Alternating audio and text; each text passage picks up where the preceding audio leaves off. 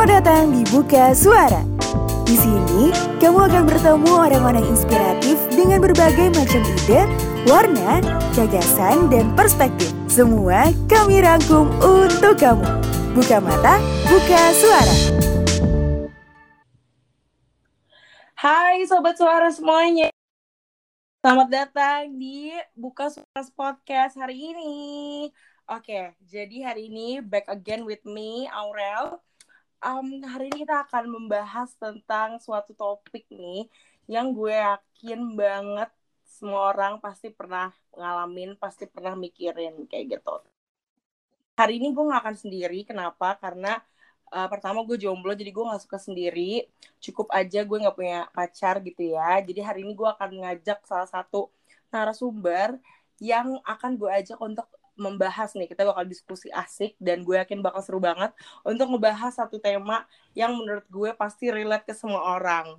Nah, jadi nggak usah berlama-lama lagi, gue akan ngajak, uh, gue akan manggil narsum kita hari ini yaitu Lydia Prima. Hai Lydia Prima. Halo. Aku banget sih. Gue harus ngomong apa, Rel? Oke, okay, hai Lid. Halo, Rel.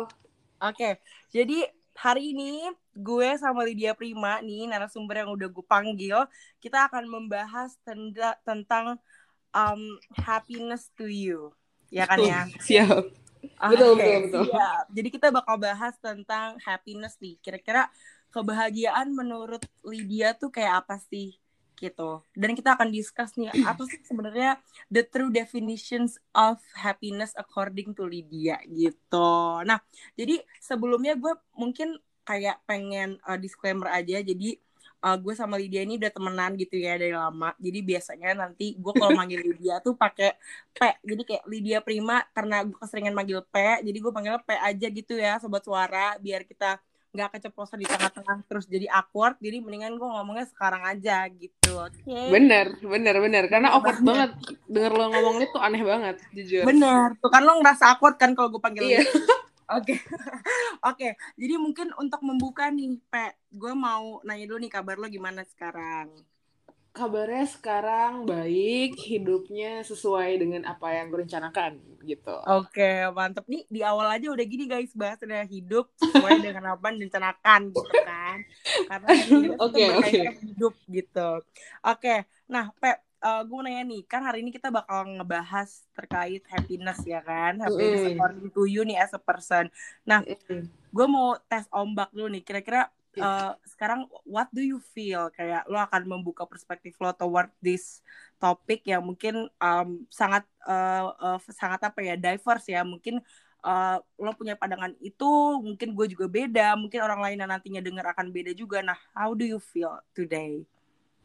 Today um, mm-hmm. today I feel pretty occupied. Uh, jadi sebenarnya dari pagi gue kayak nggak berhenti gitu. Maksudnya semua hal yang gue kerjain hari ini running jadi semuanya hmm. dikontrol kayak gitu tapi gue seneng gue selalu seneng setiap setiap di uh, at the end of the day kalau misalnya gue ngerasa gue oke okay, hari ini dan semuanya tercapai gue seneng gitu jadi mm. gue happy actually gitu oke okay. nah karena kita akan membahas tentang happiness jadi untungnya narsum kita lagi happy ya guys jadi nggak hmm, nggak mm, tiba-tiba bad mood gitu kan jadi pembahasannya beda nih oke okay.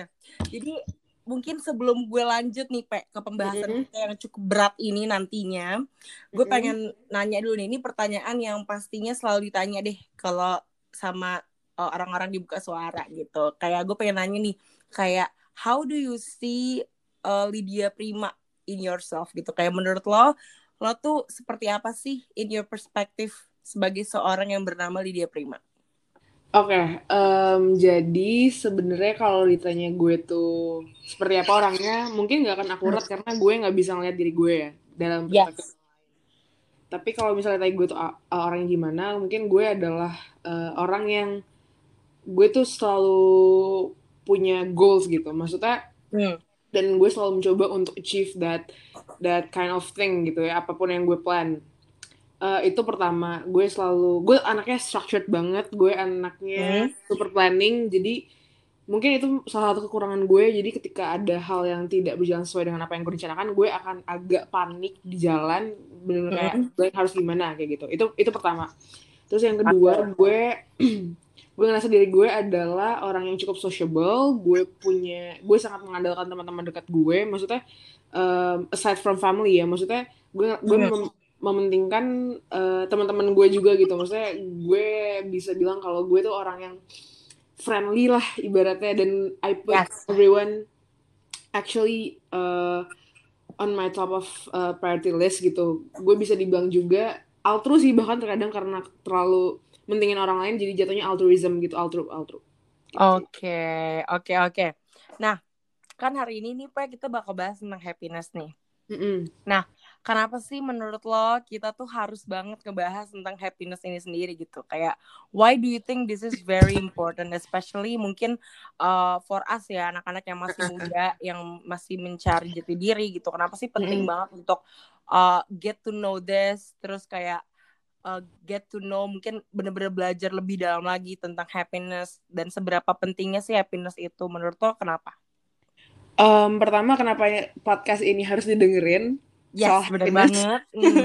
Hmm. karena em, jadi gini mun- mungkin Aurel tahu tapi mungkin teman-teman yang baru dengerin eh, podcast ini eh, nggak tahu kalau misalnya gue sebenarnya Hmm. abis ikut satu course eh, terkait happiness gitu agak aneh sih Oke. kayak ngapain lo ikut course ngebahas keha- kebahagiaan gitu Nah, tapi ternyata setelah gue selesain course itu eh, gue ngerasa bahwa ada miskonsepsi terkait happiness itu sendiri dan menurut gue hmm. dal- eh, melalui platform ini gue bisa kayak ngejelasin eh, sebenarnya harusnya happiness itu seperti apa sih kayak Hmm. gitu dan itu itu alasan pertama yang kedua mungkin em, in the middle of this pandemic gue ngerasa bahwa kita akan sul- kita agak sulit gak sih ya untuk namanya ngerasa happy karena Yes, semuanya somehow. berubah gitu semua berubah kayak kebiasaan lo yang biasanya ke kampus tiba-tiba di rumah di rumah doang gitu kayak Yes. Gitu kan nah menurut gue itu dua hal yang menurut gue podcast ini harus didengerin sih sama orang-orang kayak gitu Oke. Nah, terus talking about happiness nih, menurut lo sendiri happiness tuh apa sih? Ini pertanyaan berat banget nih, Pe. Berat banget ceritanya. Jadi lo ba- ba- jawabannya juga harus berat. Gitu. happiness itu apa Eh happiness itu kalau gue kalau nanya gue Hmm. sebenarnya balik lagi sama yang tadi gue jelasin gue tuh orangnya kayak gimana happiness tuh adalah ketika apa pun yang gue rencanakan itu tuh achieved gitu tapi Oke. sebenarnya kan itu apa ya itu klise gak sih maksudnya Ya.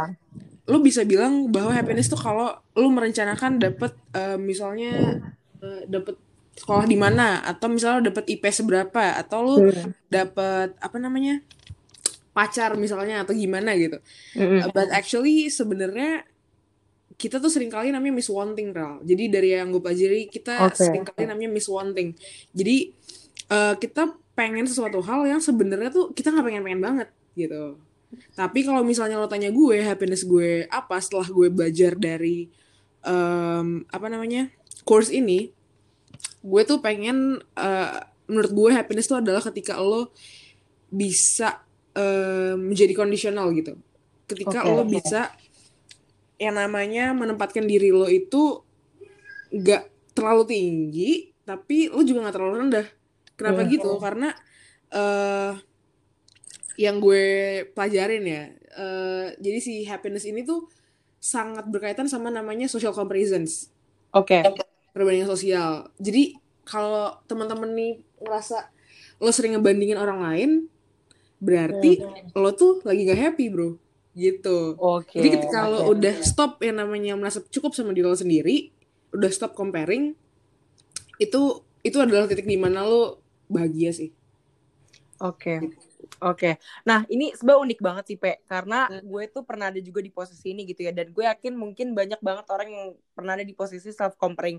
Nah, gue Hmm. tadi tuh sempat kayak tertarik juga nih ketika lo bilang self comparing. Kayak gue sendiri kan juga orangnya tuh suka ya mungkin somehow suka irian gitu kan. Suka kayak Hmm. kalau ngelihat orang tuh kayak aduh aduh iri dia pengen juga kayak gitu dan Mhm, somehow emang nah tapi somehow tuh kayak mungkin ini juga bisa nih jadi pandangan lo juga gimana nih menanggapi ini gitu kan tapi Hmm. somehow ketika gue melihat orang mungkin kayak mendapatkan sesuatu yang gue gak dapet I Hmm. see kayak gue tuh jadi ngelihat kayak ih itu tuh kebahagiaan gue gitu loh. Gue tuh pengen Hmm. banget nge-reach ini. Dan I gue tuh jadinya jadi nggak bisa melihat kebahagiaan yang gue punya.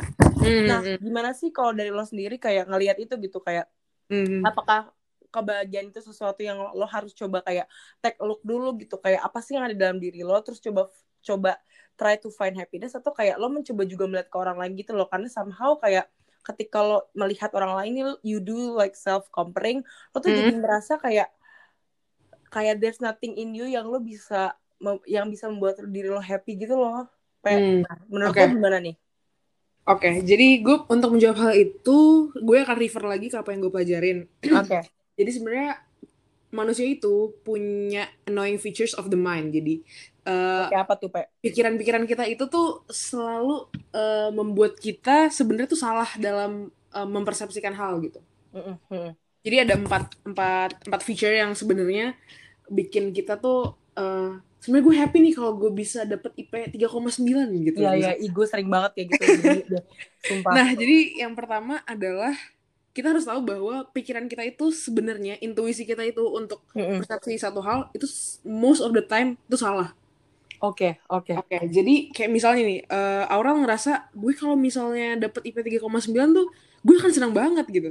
Tapi mm ada penelitiannya bahwa ketika lo udah dapet 3,9, happiness score lo tuh nggak sesignifikan itu naiknya. Oke. Okay. Jadi hmm. sebenarnya otak lo tuh membuat intuisi-intuisi yang salah gitu. And that's so normal gitu. Karena emang otak lo kayak gitu. Dirancangnya hmm. seperti itu. Terus yang kedua, um, otak kita itu, our minds, don't think in terms of absolutes. Jadi kita tuh selalu berusaha untuk membandingkan. Cenderung hmm. untuk membandingkan hmm. gitu kita mikir tuh nggak absolut kayak misalnya gue akan seneng kalau misalnya gue dapet sepatu Nike yang paling baru edisinya gitu dan mm. gue akan seneng selamanya ternyata enggak otak kita tuh um, okay. mm. mikirnya sebenarnya uh, dalam term of relative bukan absolut kayak gitu mm. terus yang ketiga uh, pikiran kita tuh our minds of course uh, are built to get used to stuff gimana maksudnya gini uh, okay. misalnya lu udah berhasil beli uh, iPhone Pro 11 Max gitu. Eh, gue mm. gak sih ngomongnya? Kayak gitu ya. Itu gak sih? Gue, gue pegang fokus nih. Gak apa-apa. Oh, iya. Oke, oke. Tapi pas lu udah dapet, uh, lu udah semakin biasa untuk pakai hal itu, barang itu kan? Iya, benar banget. Jadi lo kayak udah gak makin bahagia. Jadi semakin lama lo punya barang itu, sebenarnya lo gak semakin bahagia untuk punya barang itu. Kayak gitu. Dan eh, yang terakhir, uh, kita itu nggak nyadar kalau sebenarnya uh, pikiran kita tuh kayak gitu. Jadi we don't realize that our minds itu sebenarnya uh, dirancang untuk punya yang namanya hedonic adaptation Ral. Oke, apa tuh Pe? Kalau pakai teori manusia biasa Pe? kan kita uh, orang susah nih mikir ketinggian kan? Uh, benar benar. Jadi itu adalah sebuah proses di mana uh, lo ngerasa bahagia sama sesuatu tapi sebenarnya ya sesuatu itu tuh nggak membuat lo bahagia-bahagia amat kayak gitu jadi ada uh, lo lo merasa lo makin lama lo akan beradaptasi sama nih barang atau nih IP atau ini misalnya badan yang bagus gitu lo iya. akan uh, get used to it intinya kayak gitu sih oke okay. oke okay, gitu, okay. oke okay. nah ini sebenarnya cukup menarik sih pe kayak berarti kan secara nggak langsung kayak cukup susah ya kalau misalkan kita tuh pengen uh, nemuin suatu kebahagiaan yang ibaratnya tuh kayak timeless gitu. Nah, kalau dari menurut lo sendiri nih gitu, kayak ada gak sih sebenarnya happiness yang emang bener-bener timeless dan selalu ada di, di diri kita gitu. Karena kan somehow kayak kalau misalkan kita lihat nih dari cerita lo tadi juga, berarti kan secara langsung kita as soon as possible harus mencoba untuk mencari kebahagiaan lain kan. Kayak ketika Bener. kita ngerasa kayak oke okay, gue udah nggak bisa lagi menemukan sesuatu yang membuat gue mungkin feel energized atau mungkin bahagia dalam hal ini mm -hmm. dan I'm trying to find another thing gitu another object mm -hmm. yang bisa mungkin memberikan gue sebuah happiness gitu tapi bisa nggak sih kita tuh sebenarnya menemukan the true happiness yang sebenarnya tuh kayak ada di ada di dalam diri kita sendiri gitu loh without mm -hmm. trying to mungkin sangat berusaha untuk menemukan itu tapi memang mm -hmm. itu secara nggak langsung keluar gitu dari diri kita kayak gitu okay. menurut lo gimana? Um, kalau menurut gue kalau misalnya dari personal, maksudnya kalau dari dalam diri ya, maksudnya kebahagiaan hmm. yang untuk dari dalam diri, sebenarnya tadi udah terjawab yaitu uh, lo harus bisa merasa cukup sih. Dan menurut gue it okay. itu lifetime proses gitu. Maksudnya proses lo menerima diri lo it, untuk cukup dan udah oke okay, gue gue senang dengan diri gue sendiri itu tuh hmm. a lifetime. Jadi kalau misalnya ditanya gimana uh, gue juga masih belajar untuk hal itu gitu gitu Rel. Iya, tapi kalau misalnya Hmm. dari luar sebenarnya karena nah gini karena tadi kita bil- uh, yang gue pelajarin adalah kita tuh sangat terbiasa untuk uh, mengonsumsi sesuatu misalnya kayak yang tadi gue bilang Mm-mm. udah dapet 3,9 terus ya udah lu udah biasa aja Mm. jadi sebenarnya caranya untuk bahagia adalah lu invest in experiences paham? Oke, oke. Jadi kayak misalnya nih, kenapa experiences? Karena experiences itu lu cuman ngerasain di saat lu misalnya lagi diving doang gitu. Atau Hmm. misalnya lu misalnya lagi road trip doang gitu. Jadi emang disarankan untuk biar lo tetap bahagia adalah lu invest instead of cars, houses. Ya itu itu mungkin jatuhnya jadi kebutuhan hmm, apa namanya? Prim, primer sekunder ya. Cuman maksudnya instead of ya lu invest di emas atau di mana, ya udah lu invest aja untuk misalnya beli tiket ke Jepang atau ke mana kayak gitu. Jadi experiences yang yang em, apa ya, yang mendominasi em, pikiran lo gitu. Itu sih Oke, salah satu kuncinya adalah yang tadi, yang tadi tuh experience, have experiences. Yang kedua adalah namanya eh, gratitude. Jadi ini sebenarnya ini salah satu hal yang gue lakuin kemarin waktu melakukan uh, course ini. Jadi course ini tuh ngajarin gue untuk take uh, time uh, dari sat- dari 24 jam yang lo punya, lo ambil kayak 10 menit untuk lo berterima kasih atas apa yang lo dapat hari ini. Oke. Whether it's Oke. a bad or good day, lo harus bisa duduk terus lo lo uh, recall apa ya yang bikin gue hari, ini seneng gitu. Jadi Hmm. itu namanya metodenya namanya adalah savoring gitu. Gitu sih. Oke. Dan itu berhasil di gue ya. Gitu. Berarti ini tuh lebih ke kayak suatu metode juga ya, Pak, untuk melihat kayak sebenarnya sejauh mana sih diri lo udah melangkah, terus Bener, bener give banget. yourself reward kayak gitu ya. Bener, bener, bener, Oke. bener. Oke, nah ini berarti kan berhubungan juga nih, Pak, sama kayak mungkin ya, mungkin somehow ada Hmm. gitu cara untuk mengukur happiness. Nah, menurut lo sendiri kayak gimana sih cara kita tuh mengukur kebahagiaan kita gitu? Apakah memang ada caranya atau malah sebaliknya gitu, kebahagiaan tuh nggak bisa diukur, tapi justru malah kita yang ngerasain gitu, kita cukup ngerasain, oh kita bahagia. Atau sebenarnya kayak ada sih, ada gitu, tolak ukur untuk kebahagiaan itu sendiri. Kalau tolak ukur secara saintifik sebenarnya ada. Oke. Itu yang gue take kemarin di course ini ada eh, ada beberapa bahkan sebenarnya. Cuman kalau misalnya lo tanya gue, apakah ada gue akan sebahagia apa? Menurut gue soal kebahagiaan tuh cuma dua sih, lo bahagia atau enggak bahagia. Nggak ada yang agak Hmm. bahagia, nggak ada yang eh, ya eh, bahagianya kayak cuman 75%. Kalau menurut gue ya lo either eh, 0% atau enggak lo 100% bahagia gitu sih kalau gue ya. Oke. Oke. Dan gimana Oke. caranya lo menentukan lo 0 atau 100% bahagianya itu balik ke lo lagi. Dan itu balik lagi ke soal persepsi, soal your how your mind does things kayak gitu sih kalau lo nanya gue. Oke, oke, iya ya, got it, got it. Nah, berarti kalau misalkan kayak gitu, um, berarti sebenarnya mungkin nggak ada kayak specific calculation gitu kali ya untuk kayak mengukur happiness, tapi lebih ke kayak um, get to know yourself lo lagi ada, lagi ada di posisi emang peaknya lo happiness, atau lo bener-bener nggak bahagia sama sekali. Jadi choose uh, choice-nya cuma dua. Ya betul, choice-nya cuma dua.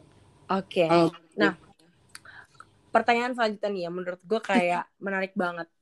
Mungkin uh, ini tuh mungkin berbeda nih jawabannya kalau kalau menurut lo sendiri lo as a person ya, what Hmm. you what makes you the most happiest person alive? Um, unik banget nih pertanyaannya nih. Hmm, Lo jangan jawab kalau lo happy lo dibeli stickers ya. Kayak lo harus jawab yang lain. Oke. ini Gue at the moment, at the moment atau gimana nih? Um, may- maybe bisa mungkin gue akan menambah pertanyaannya mungkin bisa at the moment atau kayak mungkin kayak in your Forever. years gitu kayak kira-kira Oh. 10 years of life apa sih yang membuat lo tuh the most happiest person alive atau lo ngerasa kayak oke gue tuh selalu gitu bisa aja gue tuh selalu merasa the most happiest ketika gue melakukan ini gitu ketika gue mencapai ini itu bisa banget juga Hmm, oke. Kalau tanya di happiest, em, balik lagi gue akan selalu bilang gue akan happy ketika apa pun yang gue rencanakan itu tercapai. oke Itu awal, itu awal ketika gue em, ibaratnya perspektif gue soal happiness itu masih cetek gitu ya. ya Tapi sekarang gue mencoba untuk nge-shift pe- eh, perspektif gue bahwa happiness tuh harus bisa uh, happiness itu nggak nunggu lo gue dapat gaji seberapa, gue punya rumah seberapa, itu sekarang hmm. gue mencoba untuk shift ke perspektif bahwa gue tuh cukup loh. Jadi tuh gue mencoba sekarang untuk uh, bilang ke diri gue sendiri bahwa gue akan happy ketika gue merasa cukup gitu. Oke. Okay. Okay. Bahwa gue cukup ini ini bener banget sih Pe karena kayak mungkin kalau gue bisa sedikit cerita gitu ya kayak boleh, boleh. mungkin di umur umur kita yang masih kayak 19, 20, 21, 22 itu kan masa-masa di mana KLC atau quarter life crisis itu sering banget kan terjadi. Maksudnya dalam arti kayak lo mempertanyakan kayak anjrit kayaknya gue tuh nggak lebih baik dari orang lain gitu kayak atau mungkin lebih ke aduh kayaknya gue nggak nggak nggak nggak se-achiever itu gitu atau gue kayak aduh kayak gue kalah deh dari dia gitu dan somehow hmm. Itu kayak susah dan itu menjadikan kita susah gitu loh pe untuk bisa mencapai kebahagiaan itu sendiri gitu. Kayak kita jadi nggak bahagia jadi jenuh atau segala macam. Nah kalau dari lo sendiri gimana sih kayak caranya gitu untuk bisa merasa cukup dalam hal itu? Karena kan sebenarnya tuh cukup susah ya karena mm-hmm. merasa karena gue percaya juga merasa cukup itu lead to happiness juga gitu. Kenapa? Karena mm-hmm you you are trying to be uh, apa ya enough with yourself. Tapi di, di saat yang bersamaan juga nggak nggak menjadikan diri lo orang yang males-malesan atau ngerasa kayak nggak mau Sombong, ya? sesuatu uh -uh. Mm. tapi juga at the same time merasa kayak jadi kalau menurut lo kan kayak bahkan menur, bahkan malah jatuhnya tuh jadi lebih susah untuk mereward diri kita sendiri gitu mm. dibandingin kita uh, mereward orang lain gitu sometimes kita malah lebih lebih bisa ngelihat kehebatan orang lain kayak ih keren banget nih orang gitu kayak bisa ini bisa ini gitu mungkin without looking back atau looking the behind the scenes kan mereka secara apa atau mereka gimana sih caranya untuk bisa sampai ke situ gitu kan tapi kita malah turns out nggak uh, nggak nggak mereward diri kita dan akhirnya nggak bisa menemukan kebahagiaan di diri kita sendiri. Nah menurut lo gimana sih caranya untuk bisa merasa cukup itu gitu kan? Baik lagi mungkin kalau find happiness kita harus merasa cukup. Tapi untuk merasa cukup itu gimana pe menurut lo? Oke, okay, jadi sebenarnya ini ada salah satu, ini bukan yang dari course yang gue pelajarin ya. Ini ini mm -hmm. gue ngobrol sama teman gue anak psiko.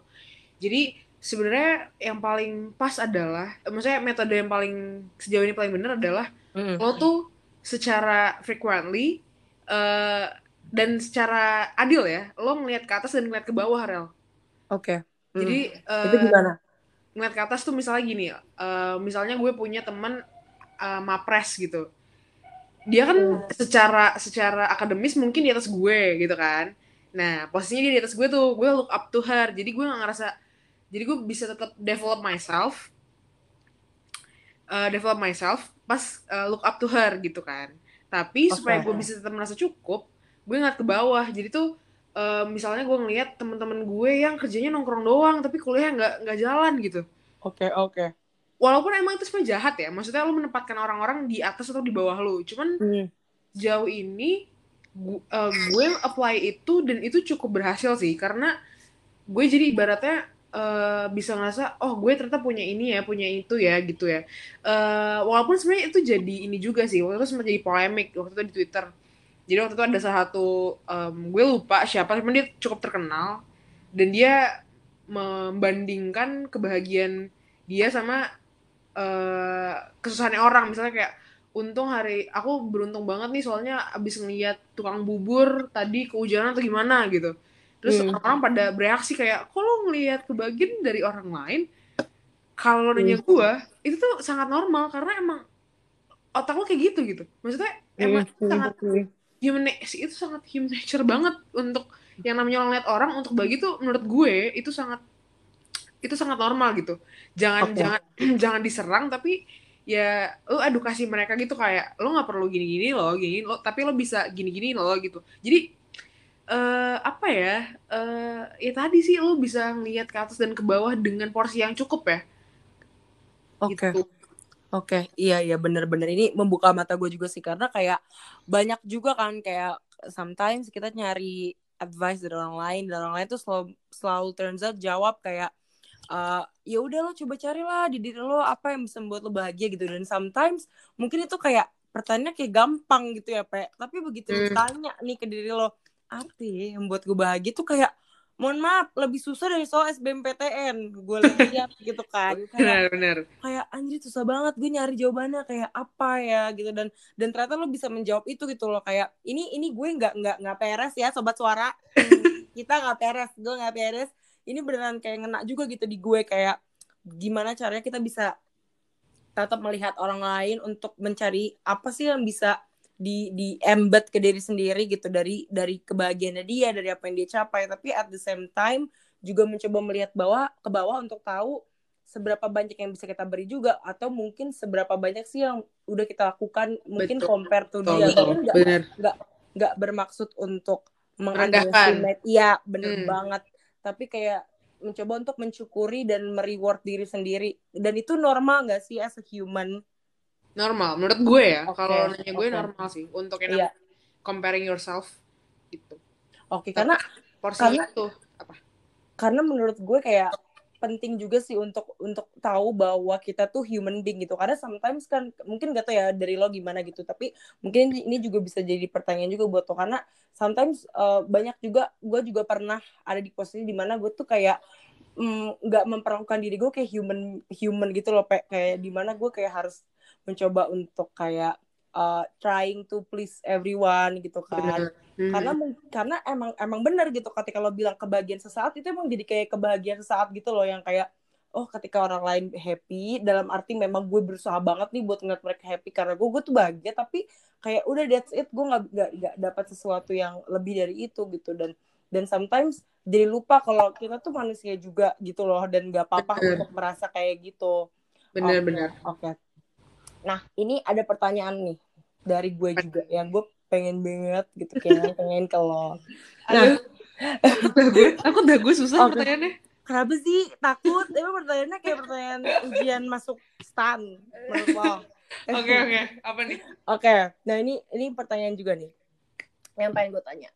Kalau menurut lo sendiri gitu ya, hmm. um, mungkin lebih kayak the simplest way. Kalau tadi kan lo bilang kayak mm, bisa cara dengan cara cukup gitu, tapi mungkin kalau the simplest way banget gitu kayak mm -hmm. untuk bisa finding happiness tuh kayak gimana sih as a person? Mungkin kayak mungkin merasa cukup itu mungkin mudah menurut kita, menurut lo, tapi mungkin nggak mudah menurut orang lain. Nah, can you give us gitu ya? Mungkin buat sobat suara semua lo bisa share the simplest way deh untuk bisa menemukan kebahagiaan tuh gimana sih caranya mungkin memang lead tuh cukup tapi sebelum merasa belum sebelum seperti itu mungkin kayak gimana ya the simplest way gitu oke okay. um, the simplest way and the most instant way kalau gue adalah gue uh. buka archive archive kan archive Instagram yeah. sih kenapa okay. archive Instagram karena kenapa archive Instagram gak archive TikTok gitu ya Pertama, hmm. gue gak main TikTok, bro. Oh, gue gak main TikTok, sorry. sorry Jadi bro, gua... sama. Kita juga gak main yeah. TikTok. Jadi kagak relate gak gue itu udah. Iya. Oke, lanjut. Terus, uh, kenapa Instagram? Karena menurut gue, uh, gue banyak, uh, apa ya, ngupload kebahagiaan gue tuh sebenarnya kalau kalau buka IG gitu. Dan itu sebenarnya orang-orang lakukan gak sih? Ya, yeah. namanya ya be it lo lagi mamer atau lo emang lagi mengekspresikan lagi bahagia ya nggak ada orang yang peduli intinya ya udah kayak gitu aja gitu kan hmm. nah uh, kalau gue selalu buka archive Instagram atau enggak baca-baca chat lama klise banget ya sumpah karena gini karena um, oke okay. um, ini unik ya udah unik. work that far atau misalnya gue sebenarnya udah cukup itu ketika gue ngeliat dulu gue tuh sempet kayak terpuruk banget tapi ternyata sekarang gue udah nggak seterpuruk itu gitu. Dan paling gampang dari um, apa archive Instagram sama chat hmm, hmm. itu karena kalau archive Instagram tadi gue bisa ngeliat oh ternyata tuh waktu uh, gue tuh pernah kayak gini ya gue tuh pernah kayak gini dan gue mampu untuk kayak gini ya kayak gitu. Dan itu juga sebenarnya yang gue pengen um, bilang ke teman-teman uh, yang akan denger ini um, jangan masalahin orang yang banyak bacot di media sosial mungkin emang itu salah satu contoh mereka untuk cope up with themselves gitu loh. Dan mungkin kalau nanya gue gue ngepost tuh sekarang udah udah jatuhnya kayak udah bodo amat gitu sih. Maksudnya kalau kalau setiap hari ngepost tuh nggak apa-apa gitu. Tapi ada aja orang yang ngerasa nggak ah gue nggak mau ngepost soalnya yep. gue udah ngepost gitu. Tapi kayak kenapa emang kalau ngepost terus? Hmm. gitu kan. Bisa aja lo bisa aja lo emang butuh itu untuk untuk re- remind Oh, you bener bener dalam masa-masa ke depan gitu kalau gue sekarang menggunakan cara itu sih Rel. Yang paling gampang tuh itu the most instant way itu. Terus kalau kenapa? Kalau chat gini gue tuh eh, sejauh ini gue selalu merasa bersyukur bahwa gue selalu di, di- dikelilingi oleh teman-teman yang em, peduli sama gue dan bener bener bener. Boleh boleh boleh Oke, boleh. termasuk gue. Tapi gue eh, jadi gue ngerasa eh, Oke, kata-kata oke, yang keluar dari mulut oke. mereka itu tuh itu tuh tetap bisa di di di apply ke masa-masa gue eh, yang hard times gitu. Misalnya gue hard times sekali terus eh, misalnya gue hard times bulan lalu itu masih bisa tetap app- applicable bulan ini gitu. Jadi kayak gue nggak perlu gue nggak perlu um, Hmm. worried gue bisa langsung buka misalnya gue buka Aurel terus gue inget keyword misalnya Aurel ngomong um, apa ya enough gitu gue cari ketik enough Hmm. terus udah keluar tuh lo ngomong apa soal uh, gue harus feel enough bla bla bla menurut gue tuh udah Hmm. udah cukup Hmm. oh iya ternyata gue harus bisa gini ya lo udah gini gini nih kayak gitu sih kalau misalnya mas- masalah instant way gitu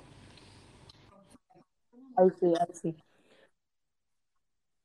Oke, oke. Ini ini menarik banget sih karena Bener. kayak eh, sometimes tuh lo cari kebahagiaan jauh banget kan kayak lo mencari-cari nih kayak aduh apa sih yang bisa bikin lo bahagia? Tapi sebenarnya yang ada yang maksudnya yang yang yang bisa me- menjadi suatu kebahagiaan itu deket banget gitu loh sama lo. Maksudnya kayak itu ada di ada di samping lo, ada di sekitar lo, tinggal tinggal lihat gitu. Dan dan salah satunya adalah bener.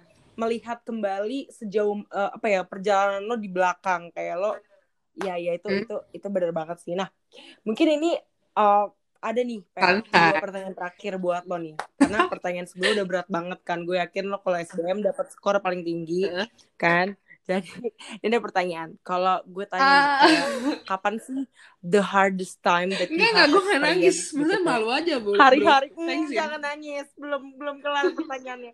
Oke. Kayak hari-hari hari oh ya sama-sama. Oke. Ini nih enaknya kalau hostnya Waduh. temennya jadi api aja masuk kan? Oke jadi uh, aduh. Oke. Halo? Rel?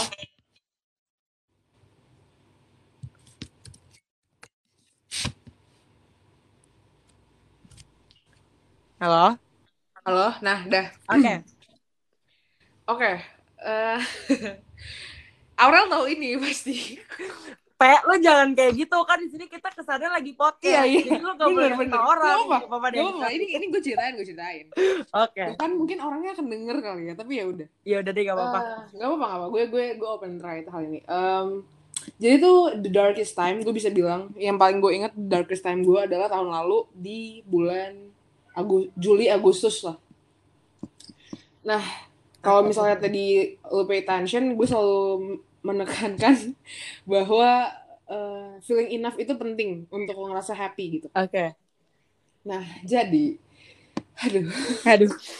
Tarik napas. Buang. tarik nafas dulu nih gue Eh, tarik nafas oke Eh, jadi gue tuh eh, suka sama satu orang Oke. gue suka sama satu orang ini Ra udah tahu banget nih Hmm. suka sama satu orang Hatam. Hatam. gue suka sama satu orang eh, cuman dia itu eh pertama beda agama Oke. Aduh. Hmm, sakit. Kedua kedua eh, dia itu teman gue Oke. Berat. berat itu udah tai banget menurut gue Oke. ya udah tai tai. Em, sebenarnya gini dan dia itu sebenarnya bukan eh, nggak masuk ke kriteria gue bro Hmm. jadi kalau lu jejerin nih orang-orang yang gue suka nih orang tuh kayak anomali gitu. Kayak hah apa suka sama orang kayak gini nih gitu. Kayak Oke. gitu kan. Terus eh, akhirnya gue waktu itu eh, yang menurut gue yang bikin gue trauma eh, adalah betapa gue eh, nggak siapnya untuk sebenarnya suka sama nih orang gitu. Oke. maksudnya gimana? Karena pertama eh sebenarnya gue dulu- dulu juga udah pernah suka sama orang beda agama cuman Hmm. yang ini tuh agak sedikit berat karena dia bener-bener em, apa ya temen deket gue gitu Hmm. Nah, abis itu tuh uh, gue ngerasa gue bahkan suka sama dia itu adalah sebuah ini ini lebay banget tapi ini okay. adalah sebuah perangan yang gue nggak siap untuk untuk jadi jat, dalam jatuh di dalam itu gue nggak siap gitu. Oke okay, oke. Okay. Jadi buat sobat suara ini semua ini peperangan ya guys. Jadi beware. Nah, oke. Okay? Nah, kenapa gue bilang perang? Karena gue ngerasa bahwa diri gue konsep diri gue setengah itu tuh hilang ketika suka sama nih orang. Oke. Okay. Oke, okay, itu hilang gimana tuh, Pak? Hilang karena gini, uh, gue tahu nih orang suka sama cewek yang kayak gimana, and that's not me gitu. Hmm. Bukan tipe gue, bukan gue banget gitu. Emang hmm. dari awal tuh kayak lu gak akan ngira gue akan suka sama nih orang dan lu gak akan ngira dia suka sama gue juga gitu. Ibaratnya kayak hmm. gitu. Hmm. Nah, karena hal tersebut itu sangat sesuatu itu adalah sesuatu hal yang nggak gue siapin. Jadi tuh gue bener struggle untuk bisa nyetop perasaan gue buat orang ini. Hmm. Hmm.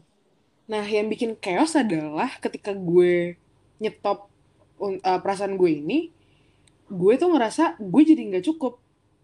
Buruknya di situ. Jadi gue ngerasa bahwa okay. harusnya gue bisa gini ya. Ah, kenapa gue nggak gini gitu? Ah, kenapa gue nggak Islam atau gimana gitu? Oke, okay, oke. Okay, gitu. Okay. Jadi jadi kayak rasanya lo jangan nangis. Kok lo jadi orang nangis dong? gue kayak gak bisa gitu loh pe melihat itu semua dan gue berharap semoga sobat suara nggak burst in tears sekarang ya guys paling kita ngakak oke pe lanjut uh, jadi tuh kayak ngerasa aduh harusnya gue bisa gini. Aduh kenapa gue nggak gini ya? Atau nggak kenapa gue sesimpel nih. Ini sesimpel banget. Kenapa gue nggak bisa jatuhnya lebih feminim gitu? Ini orang tau banget. Gue anaknya sangat gak feminim guys. Hmm. tuh jadi kayak ah gue gak feminim ya? Sesimpel itu aja. Cuman kayak itu berlangsung sangat lama. Lo bayangin aja itu dari tengah tahun 2019 sampai gue nggak bisa bilang bahkan sampai hari ini gue udah sembuh bener-bener sembuh dari um, lukanya cie elah ya. jijik banget gue dari dari the price of the battle itu banget deh orangnya deh okay. the price of the battle tuh gue belum kelar loh sebenarnya kalau boleh okay. jujur cuman hmm. kalau misalnya untuk perasaan sama nih orang itu mungkin emang udah kelar gitu mm -hmm. tapi tapi gimana gue mengonsepkan diri gue gimana gue ngerasa itu trauma itu tuh bener-bener sebenarnya sampai sekarang gue masih mencoba untuk heal myself oke okay. mm -mm. dan itu wah itu dark gue bisa bilang dark times karena um, gue bolak-balik uh, matiin sosmed. Maksudnya di, diaktif sosmed gue nggak makan gue nggak tidur. Wah itu di awal-awal gue bener-bener kayak anjir gue sebenarnya bukan tipe orang yang uh, suicidal ya bukan. Cuman gue kadang mikir kayak anjir enakan tidur selamanya kali ya. Gitu tapi bukan bukan okay, gue pengen okay. Bunuh, bunuh diri bukan bukan. Cuman lebih kayak jadi enak kali ya gue tidur gitu nggak nggak nggak perlu mikirin apa-apa karena mm. gue ngerasa bahwa everyday is a battle waktu itu kayak mm. ini gue harus gue met gue gue yang menurut gue sampai hari ini menurut gue trauma yang masih gue lakuin adalah gue tuh selalu deg-degan kalau misalnya ngeliat nih orang um, posting uh, story Oke. Okay. Nah, itu karena dulu dulu banget itu waktu awal-awal gue selalu mikir anjir nih posting story pasti sama cewek baru nih sama cewek nih sama cewek gitu bro sumpah itu gue sampai hari ini gue gue jujur sumpah demi Tuhan tuh gue masih kayak dek masih suka ada deknya gitu kayak dek, anjir ini orang ngepost story terus sebenarnya enggak bisa aja jadi lagi ngopi nongkrong atau gimana gitu. Kayak wah oh, anjing. Itunya sih yang gue sampai hari ini sebenarnya gue masih mencoba untuk bisa um, heal myself and feel enough. Mungkin kalau part feel enough-nya udah mulai ya cuman masih ada kayak trauma-trauma yang um, gue masih bilang masih bisa bilang belum sembuh gitu itu yang menurut gue um, the darkest time Oke okay, dari dan dan dan dan at, at that moment lo ngerasa memang kebahagiaan lo pada situ direnggut kayak maksudnya you can you can see yourself in the stage of happy gitu. Wah gue nggak happy sama sekali, bener asli. Okay, kayak okay. lo nih kalau perhatiin gue dari tadi uh, cerita di awal gue tuh tipe orang yang structured ya. Gue gue hmm. tahu kalian mau ngapain gitu. Hmm. wah itu di masa-masa itu di bulan itu gue bener-bener kayak kayak mad itu bro. Kayak gue nggak tahu mau ngapain. Maksudnya dan itu nih pertama lo udah kehilangan konsep diri lo hmm. konsep diri karena pertama lo shock sama apa pun yang lo rasain saat itu. Terus yang kedua lo jadi orang yang bukan diri lo which lo nggak tahu harus mau ngapain. Karena otak lo gak mau mikir selain lo nangis. Kayak gitu oke okay, oke okay, oke. Okay. itu itu itu sangat sangat wajar sih. Karena kayak gue yakin banget pasti banyak ya orang gue sana yang ngerasain kayak lo nih pe. Dan uh. dan dari dari ini nih dari uh, dari pengalaman lo ini gitu ya yang gue yakin juga banyak orang ngerasain apa sih message yang bisa lo ambil gitu? Mungkin sekarang uh, in the process of you kayak uh, pelan-pelan bangkit gitu ya. Cila bangkit. Bener gak apa bangkit dari mana nih gitu kan maksudnya perlahan-lahan untuk mencoba untuk healing juga gitu mm -hmm. kan. Apa sih message yang bisa lo ambil kayak gitu? Wah banyak ya message-nya ya. Hmm, jangan sampai satu jam ya pe. Nggak uh, enggak, enggak, podcastnya. Uh, sebenarnya lebih ke ini sih message-nya untuk soal happiness-nya atau soal tadi yang gue alamin atau gimana? Uh, mungkin dikorelasiin pe dua-duanya nih pe. Hmm, oke okay, oke. Okay. Uh, Sebenarnya gini, kalau ditanya um, message dari gue, sebenarnya yang pertama adalah sangat penting untuk tahu bahwa it's okay to stop, it's okay to relax, it's okay to not doing things. Kenapa gitu? Karena sebenarnya uh, otak kita tuh yang buat kita ngerasa nggak happy bro Hmm. Hmm. Kenapa gitu? Karena ya tadi yang udah gue jelasin di awal bahwa sebenarnya kita tuh sering banget mis mispersepsi itu dan gue udah dapet uh, yang penelitian itu gue uh, gue dikasih tahu penelitiannya emang bener orang-orang tuh mispersepsi terkait apa pun yang dia kira akan memberikan kebahagiaan buat dia. Well actually hmm. misal kayak oh dia ngebikin eh jadi panjang message nggak apa-apa. Gak apa-apa ini sekalian menutup ya makanya closing statement lo harus bagus anjing susah oke okay. aduh uh, oke okay. jadi gini uh, ada beberapa hal yang dibilang akan memberikan kita kebahagiaan okay. pertama adalah uh, good job terus yang kedua adalah um, apa tuh badan bagus hmm.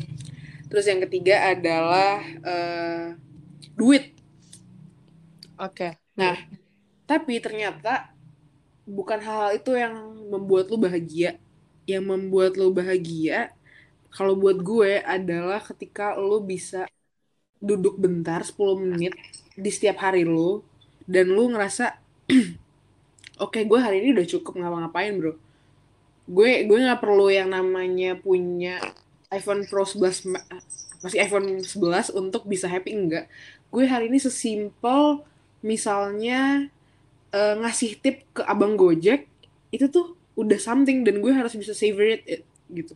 Hmm, hmm, Kalau misalnya gue tuh udah doing enough. Jadi sebenarnya menurut gue um, ada korelasi antara happiness sama feeling enough sih gitu. Oke. Okay, Dan oke. Okay. Oh ya, terakhir terakhir sorry sorry. Oke. Okay. Terakhir gue uh, gue kasih waktu lu satu jam lagi. Waduh. lo harus Canda tahu. sayang lo harus tahu bahwa feeling enough itu adalah sebuah lifetime proses. Okay. Jadi nggak apa-apa yang namanya ketika suatu hari lo ngerasa eh, nggak uh, enough itu nggak apa-apa. Asal lo tahu lo kapan harus nggak nggak. Gue tuh orang yang cukup, gue harus bisa gini gini gini. Dan nggak apa-apa banget untuk ngerasa anjir Aurel tuh keren banget ya udah jadi TMO hmm. dibuka suara gitu kan bawa gue sobat suara nih suaranya kebiasaan Oke, tapi gak apa-apa, gak apa-apa untuk membandingkan diri lo tuh sebenarnya kalau buat gue nggak apa-apa. Cuman hmm, lo harus hmm. bisa tadi porsinya cukup betul dari dan betul banget. Hmm. Itu sih udah. Oke. Okay. statement gue nggak jelas ya. Oke, okay. thank you banget Pe. Jadi sebenarnya kalau dari gue sendiri gue bener-bener dapat banget sih dan gue harap juga so sobat suara yang nonton podcast ini itu bener-bener get the meaning of happiness kayak uh, hari ini uh, Lydia Prima udah cerita gitu, udah buka perspektif tentang what is happiness according to her. Nah, mungkin sekarang setelah ini sobat suara yang di rumah yang lagi dengerin podcast ini gitu kan sambil masak, sambil mm, uh, pijet di rumah, sambil masak, sambil mandi, boker gitu kan. Coba untuk cari coba untuk cari kayak uh, apa sih kebahagiaan menurut kalian dan gimana dan dan nggak menutup kemungkinan juga kalau kebahagiaan yang kalian punya itu berbeda dengan kebahagiaan yang hari ini Lydia Prima mencoba untuk ceritakan ke kalian tapi at least apa yang apa yang Lydia sekarang coba ceritakan itu bisa jadi uh, mungkin baseline kalian juga atau uh, reflections gitu. Apakah kalian udah ngerasa cukup dengan diri kalian sendiri? Apakah kalian udah pernah mencoba untuk menghargai diri kalian? Mencoba untuk bahagia terhadap apa yang kalian punya? Tentang perjalanan kalian without trying to uh, lebih mencintai achievement orang lain gitu. Lebih mereward achievement orang lain dibandingin diri kalian sendiri kayak gitu karena hidup cuma sekali sobat suara jadi try to make yourself the happiest person alive gitu gila banget. keren banget gak gue pe Ih, gue keren banget. Gue makin diem aja kayak anjir. Keren banget nih orang. Oke, nah mungkin gue akan menutup dulu nih Pe podcast hari Hmm. ini. Hmm. Oke, jadi thank you banget buat lo Lydia Prima gitu kan. Thank you banget, thank you banget Aurel dan buka Karena- suara. Yes, karena udah mau buka suara hari ini bareng sama gue dan gue truly truly appreciate apa yang udah lo keluarin hari ini insight dan juga brutal facts dan juga tamparan especially ke gue dan gue yakin ke banyak sobat suara juga dan buat sobat suara um, thank you banget juga karena udah dengerin podcast hari ini sampai habis dan buat kalian nih kalau misalkan kalian punya request kayak oke eh, kak aku pengen eh, buka suara tentang ini gitu. Kak aku pengen buka suara coba cari perspektif tentang ini itu boleh banget langsung aja DM kita di Instagram kita buka suara. Kalian bisa langsung aja DM kita tentang apa sih yang pengen banget kali eh, kita gali gitu dari kalian. Dan siapa tahu aja kalian adalah orang yang berhak atau kita pilih untuk jadi orang yang buka suara jadi jangan uh, takut untuk buka suara speak yourself because perspective matters gitu so uh, thank you again buat Lydia and see you in another opportunity Dah, Thank you, thank you Pe. banget. Thank you, See you, see you, see you. Thank you banget buka suara. bye Bye. Gimana? Mereka udah buka suara, sekarang giliran kamu. Mau ikutan buka suara tentang perspektif kamu? DM kami di @bukasuara ya. Atau mau tanya-tanya lebih jauh sama mereka? Cek Instagram kami ya Sobat Suara. Buka mata, buka suara.